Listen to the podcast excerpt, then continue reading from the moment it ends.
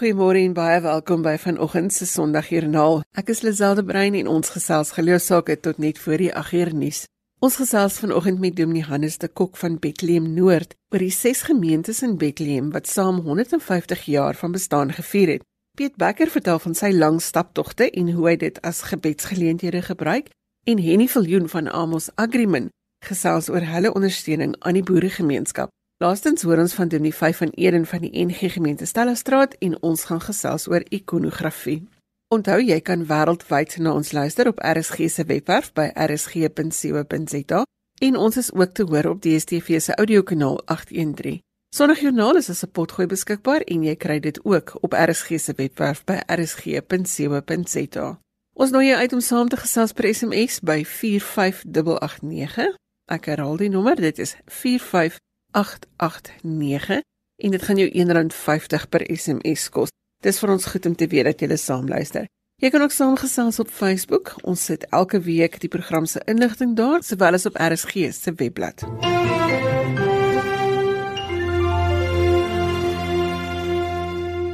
Dom Johannes de Kokes van Bethlehem en ons gesels vanoggend oor die sewe gemeentes op Bethlehem wat saam 'n 150 jaar se fees gevier het. Goeiemôre Hannes. Goeiemôre Lisel, goeiemôre luisteraars. Dis lekker om vanoggend saam julle te gesels oor Bethlehem. Bethlehem is mos die dorp wat baie mense dink is die koue dorp. Ek sou dink in die Vrystaat moet dit een van die koue dorpe wees, Hannes. Geef ons agtergrond oor die gemeenskap van Bethlehem. Kom ons vertel gou, ons bly seker in die mooiste deel van die Vrystaat. Bethlehem is 'n koue plek, maar ons groot boerdery gemeenskap, tipiese plattelandse dorp meeste mense wat almal hier groot geword het en ken baie van mekaar. Hulle daar's 'n groot omgee vir mekaar. Baie naby aan mekaar word daar geleef, ook hier in die, in die groot dorp van ons. Een van die grootste dorpe ons sê in die Oos-Vrystaat, 'n dorp wat baie groei vertoon en maar tog ook nog steeds probleme het van dienslewering en 'n bankrot stadsraad, maar inwoners is almal werksaam om alles 'n deel daarvan te doen. So hoe het dit gekom dat die sewe gemeentes in Bethlehem saam fees gevier het? Dis ook kom ek vertel jou so dat ons ons, ons predikante van die NG Kerk kom elke maand een keer bymekaar. Wat ons lekker in 'n eetplek gaan sit en saam eet en saam gesels. En Januarie maand se bijeenkoms het een van ons nuwe leraars wat in die dorp gekom het, Michiel Lambreg van Panorama gemeente. Ek by die leraars bijeenkoms kom sê maar Hy het gesien dat die moedergemeente gestig is op 25 April 1869. En toe het ons besluit maar kom ons doen iets daar rondom oor die moedergemeente vir 150 jaar. Die moedergemeente bestaan vandag nog steeds. Die kerkgebou is baie mooi gerestoreer baie mooi reggemaak. Maar daar vind nie meer uitelik regtig eredienste binne hierdie kerkgebou plaas nie. Ons gebruik hom vir gesamentlike eredienste vir bidure vereen wat ons gewoonlik dan ook een uur in die dag hou omdat hy so sentraal geleë is en dat die meeste mense baie maklik daar by die kerk kan uitkom. En toe het ons besluit maar ons gaan dit in die moedergemeente hou oor die moedergemeente se feeste wat baie en vir die dag het ons met mekaar saam gesels en weer gesê maar die moedergemeente hoef dit nie regtig meer bestaan nie. Hy is ingelei so 'n paar jare terug by Wesgemeente, die eerste gemeente wat in 1927 afgestig het van die moedergemeente. Het ons besluit maar kom ons vier eerder die NG Kerk se NG Kerk 150 jaar binne die dorp. So Hannes op die dag wat julle die fees gevier het, was julle ongeveer 1200 mense in die kerk? 1200 mense die die die, die Wesgemeente is, is die grootste kerkgebou. Aanvanklik het ons besluit ons gaan dit in die moedergemeente hou die fees maar ons het toevallig agtergekom die die infrastruktuur gaan dit nie gaan dit nie kan dra die getalle van die mense nie want ons sewe gemeentes in Bethlehem self wat in die ring is. Ons ring bestaan verder nog uit ook oor Clarence en Kestel gemeentes wat ook saam met ons in die ring is. Hulle hulle het nog nie saam met ons fees gevier nie omdat dit bietjie moeilik is om vir hulle mense omdat ons jy's gesê dit is 150 jaar van die NG Kerk in Bethlehem. Wys ons die kerkgebou was baie vanaand baie vanaand vol met 1200 sitplekke. Ons het ook so 200 plus minus 200 plekke in die saal beskikbaar gemaak waar ons op 'n groot skerm al die gebeure ook dat die mense ook kon gevolg het. Die wonderlike in die daarvan saam is is dat die plaaslike radiostasie Moliti FM 79.1 het die diens volledig uitgesaai. Dis al die mense in die huise en selfs in die buurtdorpe kon ook al hierdie gebeure gevolg het wat in die erediens plaasgevind het. Krag van radio dat almal kan saam luister. Anders nee, as ek mag ja. vra, watter rol speel geloof in die gemeenskap van Bethlehem? Kom ons sê vir jou, Lisel, die mense moet verstaan dat die die dorp is uh, afhanklik van die boerderygemeenskap. Dis baie nywerhede op die groot nywerhede op die dorp, maar is alles gekoppel aan die boerderygemeenskap en die boerderygemeenskap weet ons is regtig afhanklik van God. Alhoewel kom dit na vore vir al vir die droogte tye wat ons beleef. En daarom speel die kerk en die geloof 'n ongelooflike groot rol in mense se lewens. Ek het 'n gemeente wat mense het wat tot 40 km van die dorp af bly. Maar hierdie mense is bereid om elke Sondag vir die eredienste, selfs 'n bidure en Bybelstudies en vergaderings die by die kerk by te woon en te ry daarna toe. Ons beleef dit wat ek nou gesê het ook wat ons die in die moedergemeente baie keer gesamentlike bidure vereën hou wat afgelope paar jare wat ek hier is ons elke keer elke jaar nog steeds altyd 'n droogte gehad. En dan tot in die moedergemeente kom ons in die moedergemeente met ongelooflike groot getalle mense bymekaar. Dat selfs besighede dan besluit om mense af te gee om daai etensuur, party van hulle werk altyd nog etensure van die winkels maak selfs toe ook om dan hierdie eredienste by te woon. Die wonder wat ons het is dat die plaaslike radiostasie daai Melody FM het nou gesê het, sy geestelike programme uit en dit self dan ook die viesdienste te ook regstreeks moet uitgesaai. Ons plaaslike koerant die Vrystaat nuus wat gratis versprei word word daar elke week skryf ek 'n geestelike stukkie in in die koerant sien nou al vir 3 jaar. Uh, en hierdie koerant word op die buurtdorpe soos Lindley, Rydsgestel, Clarence, Fourierburg en Paul ook versprei. En is ongelooflike terugvoering wat ek van die mense kry. Nie net die ou mense nie, maar selfs ander mense oor oor hierdie geestelike stukkies en dat die geloof 'n ongelooflike rol speel in 'n mens se lewe. Ek kan vir jou 'n storieetjie vertel van 'n tannie wat ek een van dit wat ek op 'n stadium 'n dag by haar uitkom. En sy sê vir my dominee, ek het hierdie week die koerant gekry en jou stukkie was nie in die koerant nie. Dit ek hier is in die koerant nie gelees nie. Dis 'n baie mooi storie van geloof wat hoop deur 'n gemeenskap trek en waar die kerk nog steeds die ruggraat bly van wat alles daaraan gaan. Hannes om jy af te sluit, wat kan die res van die land voorbid vir die omgewing van Bethlehem? Sel ons is ons is eintlik nog half gelukkig dat ons nog nie 'n plaasaanval het beleef het nie, maar ek met baie nou sal my boere leef. Weet ook dat hulle agterkop is elke keer elke dag nog hier gevaar van plaasaanvalle wat wat soveel die gemeenskap uit uit mekaar uitdruk verder regte vir ons boerderygemeenskap gaan oor die grondhervorming sonder vergoeding wat wat so swaar oor baie van die boere hang en dan die droogtes wat ons beleef. Maar ons beleef 'n Junie maand wat 25 grade het wat nie normaal is nie. Vorige seisoen het, het ons 'n snaakse seisoen beleef. Dit het ons minder reën gehad het en toe reën gekry het eintlik die, die hoeveelheid reën van hierdie seisoen in 'n week se tyd. Dit het gemaak dat van my boere kon regtig nie eers hulle oeste afhaal nie hulle val vas, hulle kan nie regtig stroop, hulle kan nie regtig uit uithaal nie. Ek dink mense besef nie egter elke dag hoe afhanklik die boere is van dit wat in die natuur gebeur nie. En ek wil regtig vra as ons kan bid, bid vir hulle elke dag vir veiligheid, bid ook vir om nie moedeloos te raak nie, want dit want dit is 'n ding wat ek regtig beleef in mense dat hulle moedeloos raak. 'n Boer sit al dag hier met my om my te vertel en hy sê dominee die bank soek my geld en ek kan nie ek kan nie my oes afhaal nie. Die sojabone wat ek geplant het, is besig om op te spring en al my sojas lê op die grond. Ek het gesels met Dominee Hannes de Kok van Bethlehem en ons het gekyk na die rol wat geloof by daardie gemeente speel. Hannes, baie dankie vir die samestelling vanoggend. Groot plesier, hoor. As jy sopas ingeskakel het, sê ons goeiemôre. Die program is Sondagjoernaal op RSG 100 tot 104 FM. Waar ons vroeë oggend hoor wat die rol is wat geloof in mense se lewe speel. Gaan maak gerus 'n draai op RSG se webblad by rsg.co.za vir inligting oor vandag se gaste en ons het ook al die inligting oor die onderwerpe daar. Ons het sopas gehoor van Dominee Hannes de Kok wat gesels het oor die gemeenskap op Bethlehem wat saamgestaan het as een geloofsgemeenskap om 150 jaar van kerkwees daar te vier.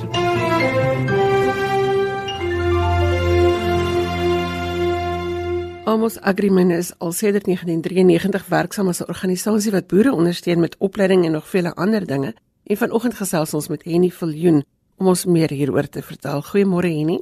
Môre Lisel, môre luisteraars. Henny, hoekom 'n organisasie soos Amos? Dit is Amos is gebore, ja, behalwe dat dit in die Vader se hart gebore is, maar ek dink net die nood wat ons hier in die laat 80er jare, begin 90er jare in die landbougemeenskap gesien het, boere, plaaswerkers, bestaansboere, plaaskinders, het het maar net vir my die oortuiging gebring van daar is 'n gefokusde bediening nodig om die landbougemeenskap en die evangelie te bedien en te sien dat die koninkryk in die landbou kom. En wat is julle hoofaktiwiteit? Ons wil graag die landbougemeenskap in Suid-Afrika en Afrika transformeer deur die herstel en bou van die gemeenskap se verhouding met God, met mense en met die skepping. So dit gaan oor daai drievoudige verhouding wat herstel moet word. Nou, en julle is hierdie jaar 25 jaar aan die gang en julle vat hande met 'n paar ander organisasies om die 25ste verjaardag spesiaal te maak. Vertel ons daarvan. Ja, ons ons is nou 25 jaar aan die gang en ons gaan Amos is nou gebore, as ek dit sou kan sê, op die 13de Augustus 1993, maar ons het eintlik maar met die werk in 94 begin.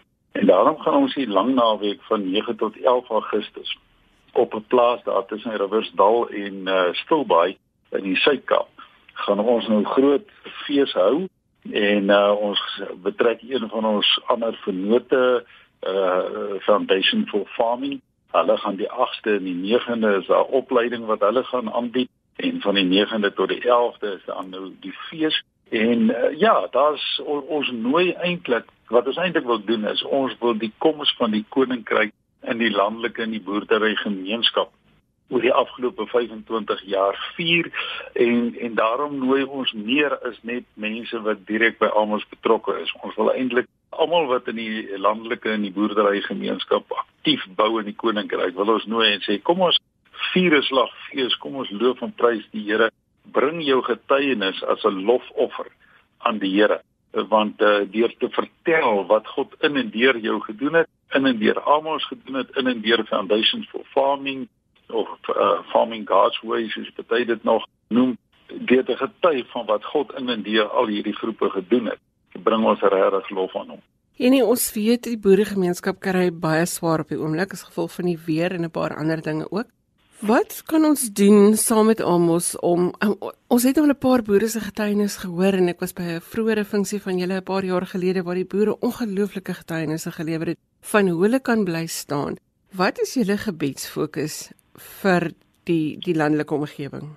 Ja, hierdie jare is is die tema van die gebedsfokus in jou sien God vir hom 'n koning en dit gaan oor die lewe van Dawid in daai 10 jaar of dalk meer uh, vandat hy gesalf is as koning totdat hy uiteindelik koning geword het en in daai 10 jaar se tyd ons lees af van 1 Samuel 16 tot 31 het Dawid alsbehalwe beleef dit wat die waarheid was omtrent homself dat God hom 'n koning gesien het en dat hy geroep en gesalf is. Ek meen hy moes heeltyd vlug vir sy lewe en het verskriklike ontberings gehad en en ek het dit goed gedink om hierdie jaar oor daai geskiedenis te skryf om om eerstens vir die boere en ons landbouers in die algemeen daarop te wys dat uh, God het in Dawid 'n koning gesien en Dawid het koning geword. Uit sy nageslag het Christus koning geword. Maar uiteindelik lees ons in Openbaring dat Christus ons weer konings en priesters maak en dat ons uiteindelik ook gaan heers uh, op hierdie aarde. En en vanuit daardie perspektief van ons is konings kom ons leef soos konings kom ons boer soos konings gaan leer ons dan ook nou wat het Dawid uiters moeilike tyd want want dit is dis nie 'n ongekende tyd hulle self waar ons nou leef nê ag ek wil nie eens uitwy daarop waartoe ons boere gaan nie. So kom ons gaan kyk. Daar's so 15 praktiese dinge wat ons uit die lewe van Dawid kan leer praktiese lesse en ons gaan daar dit bespreek en ons gaan daaroor bid en en ek dink dit is nodig vir ons landbouers om hierdie bemoediging van die Here te kry en en, en daarom wil ons mense nooi hulle kan deelneem aan die 40 dae gebedsfokus is hierdie jaar die 19de keer dat ons dit aanbied. Dit begin 1 September tot 10 Oktober. Die gebedsfokus kan gratis van ons webtuiste afgelaai word. Binne 'n week of so gaan dit in Afrikaans op die webblad beskikbaar wees. Voor die gebedsfokus begin, gaan dit ook in Engels daar beskikbaar wees. So hulle kan dit daar gratis kry. Ja, naas hierdie 15 praktiese goed Lisel, het, het ek geleer as mense gaan kyk na na Dawid, as ons gaan kyk na Jesus. Ek meen waar hier is hy? Hy's uitgeskel as duiwel besete, as 'n baster, as 'n godslasteraar as mal. Ek meen hy's hy's uit sy tuisdorp uitgejaag. Mense wou hom by neer as een geleentheid doodgemaak het. Dan is die vraag nou, nou as jy gaan deur wat Dawid gegaan het, as jy gaan deur wat Christus gegaan het, as jy gaan deur die goed wat ons nou gaan, wat hou jou staande? En dan lyk dit vir my dit gaan oor die drie goed is jy moet weet wat jou identiteit in Christus is. Jy moet weet hoe daarna jou verhouding met die Vader is en jy moet duidelik weet wat jou roeping is. So hierdie identiteit, verhouding en roeping. Ons hanteer dit aan die begin en aan die einde van die 40 dae. Maar dis wesentlik want want sonder hierdie sekerhede gaan die lewe jou net verniel. Ek meen hy gaan jou net verniel so. Ek wil regtig uh, vra ek wil ek wil vir ons luisteraars vra as jy nie self boer nie maar jy ken 'n boer wat deur moeilike tye gaan. Jy nie vir hom 'n gebedsfokus kry en dit vir hom as 'n geskenk gaan gee en sê hierse ouma ons ons is saam met jou en ons bid vir jou en en dat ons ons boeregemeenskap ondersteun. Ons het dit regtig nodig. En dit gaan nie net oor boere nie. Gaan ook oor ons plaaswerkers. Dit gaan ook oor die totale landbougemeenskap. Terug na die na die fees ja. toe, as daar iemand is wat jy wil kontak om te hoor waar en wat en wanneer jy het gesê dit is in die kom ons sê die 9de tot die 11de Augustus afste begin ons met die Foundation for Farming opleiding dis natuurlik 'n uh, uh, vrywillig die wat dit graag wil bywoon ek dink die belangrikste ding is want om nou hier al die details dit gaan regtig uh, getuienis as lofoffer vir die Here wees. So kom ek uh, vra stuur 'n e-pos aan Jolene J O L E N E by Amos Africa. Dis al klein lettertjies met 'n Engelse Afrika c.net jolene@amosafrica.net en vra vir haar met al die besonderhede dan kry jy die agtergrondsinligting die logistieke goeder die program al die goeder is daar beskikbaar en hou ook maar uh, Amos se uh, Facebookblad op jy sê dit ook daar kry en ek wil spesifiek vra Elisiel dat almal wat al by Amos gewerk het oor die afgelope 25 jaar. Daar's baie mense met wie ons ergens langs die pad kontak verloor het. Almal betrokke by die GF for GF centers, dit is die Good Foundation for Good Fruit centers wat Amos plant. Asseblief laat van julle hoor. Ons wil julle graag daar hê en ons wil al die lof en die eer aan die Here bring vir wat hy besig is om te doen in die landbougemeenskap. Ek het gesels met Henny Viljoen van Amos Agreement en ons het gesels oor die werk wat hulle doen en ook oor hulle 25ste bestaanjaar se viering. Daardie kontakdetail net weer as jy dit nodig het is Jolene by almosafrica.net of jy kan gaan kyk by www.almosafrica.net vir internetdetail of jy kan WhatsApp dan 0832334433. En baie dankie vir die saamgesels vanoggend. Baie dankie Lisel. Die boeregemeenskappe het oral oor nodig dat ons hulle sal ondersteun en dra maak 'n punt daarvan om uit te reik in hierdie tyd van nood en droogte. As jy een van daardie geleefstories het, kan jy gerus van jou laat hoor. My e-posadres is lizel@wwmedia.co.za. Dis lizel L I Z E L L E by wwmedia.co.za. Ek gaan dit weer aan die einde van die program gee. Piet Bakker is van Petruswil en hy is 'n man wat nie skroom om sy takkies aan te trek en ver te stap nie en dit dan met die doel om te kan bid. Ons gesels vanoggend met Piet om te hoor hoe sy geloofslewe lyk. Goeiemôre Piet. Môre Lisel. Piet, hoekom ekstreem stappe en ek noem dit nou om ekstreem want jy stap ver. Ja, man, dit het begin dis 'n natuurlike talent wat ek het om om uit te hou. Ek het gesien in die dae in die weermag die ander manne rondom my het gekla en gekerm oor hulle seervoete en moeg en ek het net besef dat ek het 'n talent om ver te stap. Maar binne my was daar ook 'n soeke om om God te kan vind. En dis waar dit begin het. En hoekom doen jy gebedstappe? Dit regtig langs die pad het ek begin besef van dit die eers aan die begin het ek net gestap omdat ek ver gestap het, ver baie gestap het. Maar later het ek 'n verhouding met die Here begin uh ontwikkel en ek het begin agterkom dat dit is die plek waar ek wat Piet is, die Here ontmoet. So ek sê dit spesifiek so want dis nie elkeen se plek waar hy God ontmoet nie. Elkeen van ons het 'n spesifieke plek en 'n manier waarop God met ons praat en en ons kan ek maar sê connect met die Here. Vir my is dit as ek stap. So as ek terugkom van 'n staptog, dan is ek so opgewonde om te sien waar gaan die volgende een wees. En Piet, as ek nou sê jy stap ver, hoe, ver is hierdie staptogte? Man, dit kan wissel. Partykeer is dit net partykeer vra mense vir my so wanneer is jou volgende stap tog? En vir my is dit 'n lewenswyse. So as ek as ek na die sitkamer toe stap, is dit is is dit 'n stap tog. Maar ver staptogte, ek moes al twee keer staptogte doen wat 555 km oor binne 2 of 3 weke was. Hoe beïnvloed dit jou eie geloofslewe om te bid? Selfs vir jouself ja. maar ook vir ander. Ja, ja, dankie dat jy dit vra want weet jy nee, dit gaan regtig oor daai intimiteit want wanneer jy op die pad is en ek stap die Here lei my baie om in die Karoo en die Kalahari daai eensame paaie te stap. En op daai eensame pad, jy loop die hele dag. So jy die hele dag tyd wat jy het om te bid en 'n mens jou fisiese liggaam is eintlik vir my voel dit partykeer met mens moet ook fiks wees om so lank te kan bid. En dan begin ek leer dat bid is nie net daai ding van jy kom en jy bid en jy het 'n lysie wat jy vra en maar dit raak soveel meer dat deur dit uit te stap het ek geleer dat gebed gaan baie meer as net om by God te kom en iets te sê en iets te vra.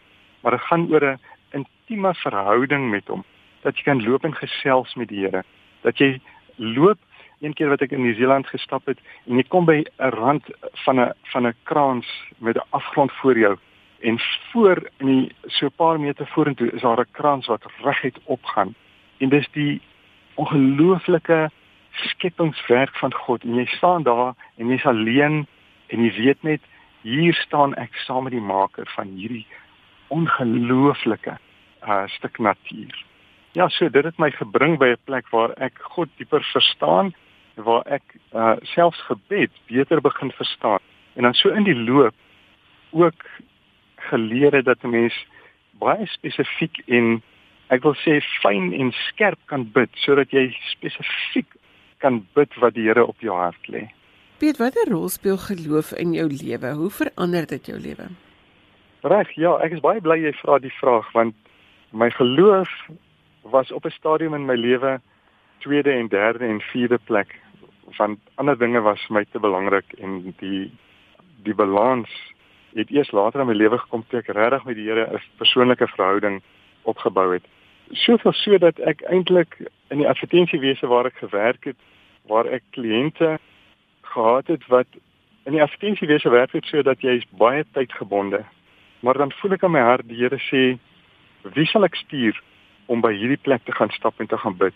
En dan is dit baie moeilik en dan moet ek vir die Here sê, "Skus Here, ek het nou sperdatums vir koerante en goed wat uh, ek kan nie gaan nie. En ek het letterlik doelbewus kliënte begin afskaal sodat ek meer beskikbaar kon wees sodat wanneer die Here daai vraag vra, wie sal ek stuur? Dat ek kan wees op die plek wat ek kan sê hier is ek Here, stuur my. Nou jy het seker 'n storie of twee van hierdie lang paaie wat jy stap wat interessant is met van dinge wat gebeur het. Ja, ja, regtig, dit is hoekom dit voel vir my wanneer ek op 'n staptog is, ek ontmoet God op sulke diep maniere dat uh, ek kan nie help om wanneer ek terugkom te vertel daarvan nie. Daar's 'n skrif in Matteus wat sê dit wat ek vir jou in die donker gefluister het, moet jy nou in die lig van die rooftops van die dakke af gaan uitskree. En dis wat met my gebeur wanneer ek terugkom van so 'n gebedstap af, dan moet ek vertel daarvan. Ek moet vir almal vertel, kyk, behold your God. Kyk hoe wonderlik is God. So ja, daar's baie baie kere wat ek op die lang paaie loop nou. Ek wil net kortliks verduidelik. Die Here lê uh, dorpe op my hart, twee dorpe en soos ek sê, partykeer is die dorpe 555 km uitmekaar, partykeer is dit net 42 km. Gewoonlik is getalle ook baie interessant hoe dit inval want dan gaan soek ek daai getalle in die Bybel en dan kry ek die getalle. So baie keer of gewoonlik wat sal gebeur is ek moet my rugsak pak, ek vat 'n tent, water, genoeg water vir 'n paar dae, kos en dan is dit net ek en God op die pad en wanneer dit aand word moet ek 'n plekkie kry waar ek my tent opslaan, slaap oor, môreoggend stap ek aan. En dan gebeur dit dat 'n mens die verkeerde pad vat. So dit gebeur een keer want dit voel vir my ek moenie altyd met 'n uh, GPS loop sodat ek die GPS kan volg nie. Ek moet leer om om om God se hart te hoor en as ek by daai uh kruising kom en die fluister stem hoor gaan links dat ek sal weet hier moet ek links draai. So daar's 'n ander uh realiteit wat ek probeer en na ja om regtig sy stem te hoor. En partykeer dan gebeur dit dat jy verkeerd hoor. En ek kom toe eendag in die Vrystaat uh op 'n een eensame pad. In elk geval die boer wat langs my stop op daai pad vra vir my: "Wat op aarde maak jy op die eensaamste pad in die Vrystaat?"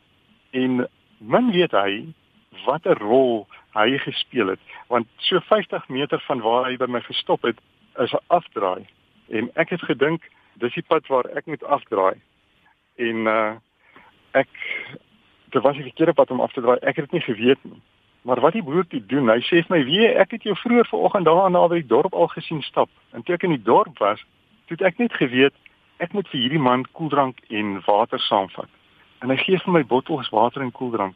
En wie daai pad wat ek toe gevat het, toe ek afgedraai het, het ek baie ver gestap. Dit was die verkeerde pad. Ek het nie genoeg water saamgevat nie. Maar by die pad waar ek verkeerd afgedraai het, het God iemand gebring sodat hulle vir my my voorraad water kan gee wat ek nodig gaan hê om daai dag deur te sien. Sjoe, wat 'n interessante storie. Piet, as jy nou 'n boodskap het vir mense oor gebed, wat sal dit wees ja. om mee af te sluit? Weet jy, partykeer dink ons of word dit voorgestel dat dit is hierdie ding wat 'n mens moet doen en um, wat ek baie keer sê, daar's nie al hierdie stappe nodig in gebed nie, want dit is dis 'n gesprek. Vir my word dit 'n twee gesprek tussen my en God met eerbied, maar ook regtig dat ek nie hoef eers al hierdie goed te doen en en goed genoeg te wees voordat ek met God kan kan praat nie. Ek kan in die toestand wat ek is, waar my lewe in watter toestand ook al is, kan ek met God praat. Ek hoef nie by 'n punt te kom waar ek nou goed genoeg is om te bid en met God te praat nie of waar ek goed genoeg moet wees sodat ek vir iemand anders kan bid nie. Dat wanneer ek in verhouding met God loop, dan kan ek met hom praat. En dink ek dink dit is vir my die belangrikste deel daarvan. Spreek net die eerste woord. Piet baie dankie dat jy 'n klein stukkie van jou leefwêreld met ons gedeel het. Ek het gesels met Piet Bakker van Petruswil en hy stap ver sodat hy met die Here in gesprek intree vir mense en vir dinge. Dankie vir die saamgesels Piet. Dankie Lisel. Jy luister na RSG, die program is Sondagjoernaal en ons gesels met mense vir wie geloof belangrik is en ons vra hoe dit op verskillende plekke werk. Die woord ikonografie sluit 'n wêreld oop waarvan min mense bewus is. Ons vra vanoggend vir Dominee 5 van Eden van die NG Gemeente Stellenstraat in Pretoria om meer inligting met ons hieroor te deel. Goeiemôre Fyn. Hallo Lisel. Sê dan nou sommer vir ons wat is ikonografie Fyn? Dis al ek wil begin en sê dat dit vir my baie lekker is om vanoggend oor iets te praat wat my baie na in die hart lê. Om oor iets te praat wat op verskeie vlakke van my lewe in die laaste 6 jaar verryk en verdiep en verander het. So, dankie vir die geleentheid.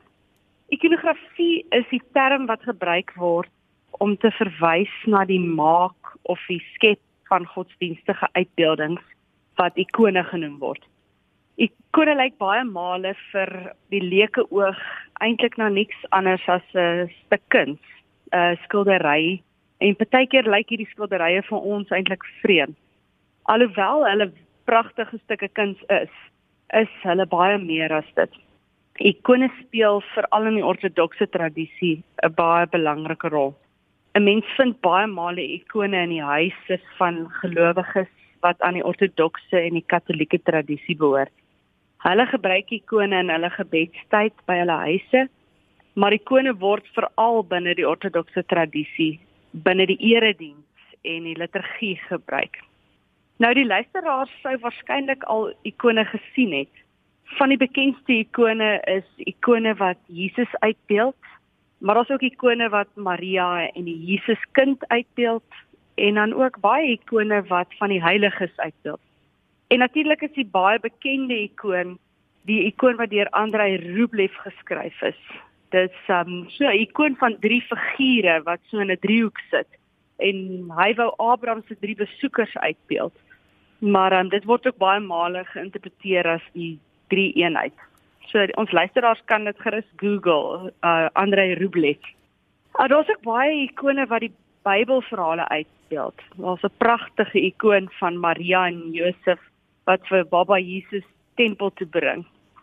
Vir hierdie rede word ikone soms die vyfde evangelie genoem, omdat hulle vir baie lank eintlik die enigste Bybel was wat baie mense kon lees. Nou ek weet in baie protestante se gedagtes is ikone iets wat die ortodokse tradisie aanbid, maar dis nie waar nie. Hulle aanbid nie ikone nie, maar eerbiedig dit. Eintlik soos wat die tradisie waaraan ek byvoorbeeld behoort, nie die Bybel aanbid nie, maar tog 'n diep eerbied en respek het daarvoor. Volgens die ortodokse tradisie is ikone middele van genade en dit is vir my so mooi.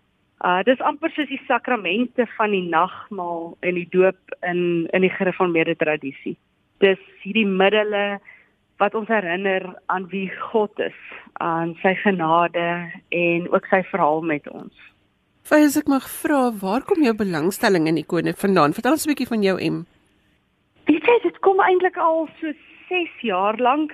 Ek het 'n uh, eendag 'n konferensie bygewoon en een van die sprekers het 'n uh, ikoon gewys van Jesus en Sint Menas of Jesus and Friend noem noem baie mense dit. En daai ikoon het met my gepraat. En uh, ek het uiteindelik die ikoon 'n klomp plekke raak geloop en um, uiteindelik baie begin belangstel aan ikone. En toe begin bietjie lees oor ikone en uiteindelik 'n kursus bygewoon waarin ek 'n ikoon geskryf het onder Anne Marie Bands, een van die beste ikonograwe wat wat Suid-Afrika gesien het. En um toe ek nou hierdie ikoon klaar geskryf het, toe staan hy in my studeerkamer en ek begin hom gebruik in my stilte tyd.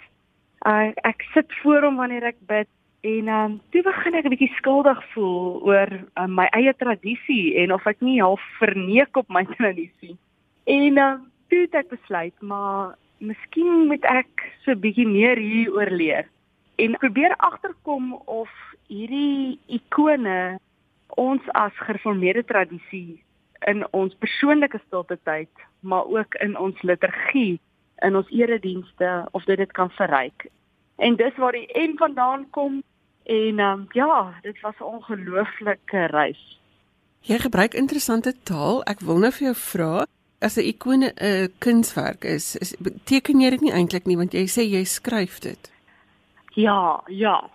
Dis die tegniese term wat gebruik word en dit verwys eintlik na die manier waarop 'n mens dit doen. Die tegniek. Die tegniek is baie so skryf.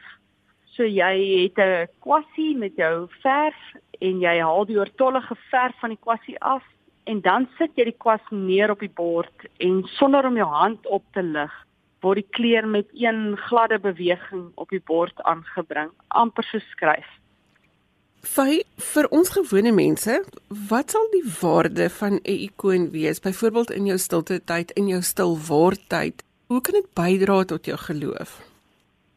Hoe ek dit verstaan is ikone is hierdie vensters van genade wat ons help om God te sien.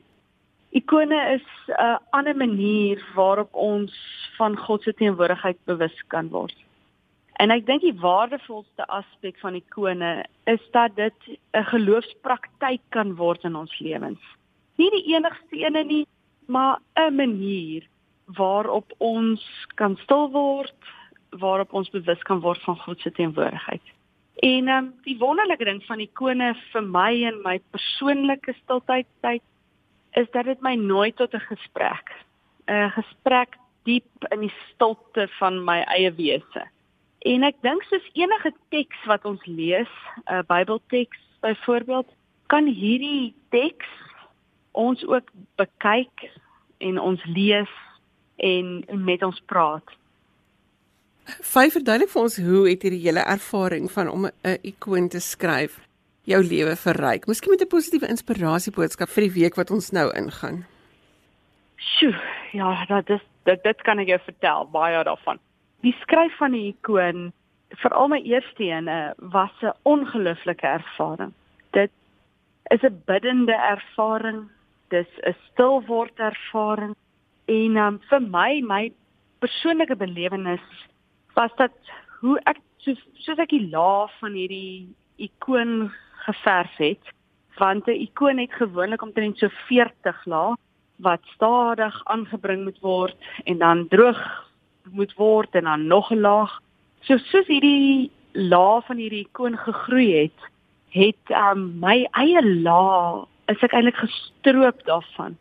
So terwyl mens hierdie ikoon skryf, is jy besig om te bid, besig om stil te word en word jy bewus van jou ego en jou eie onsekerhede en jou eie vrese in terme van hierdie stuk kuns voor jou, maar ook op 'n baie dieper vlak.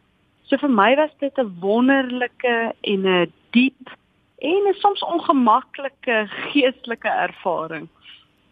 Baie baie dankie dat jy so 'n stukkie van jou lewe wêreld met ons gedeel het. Ek sal baie graag wil sien hoe die ikoon lyk wat jy geteken het.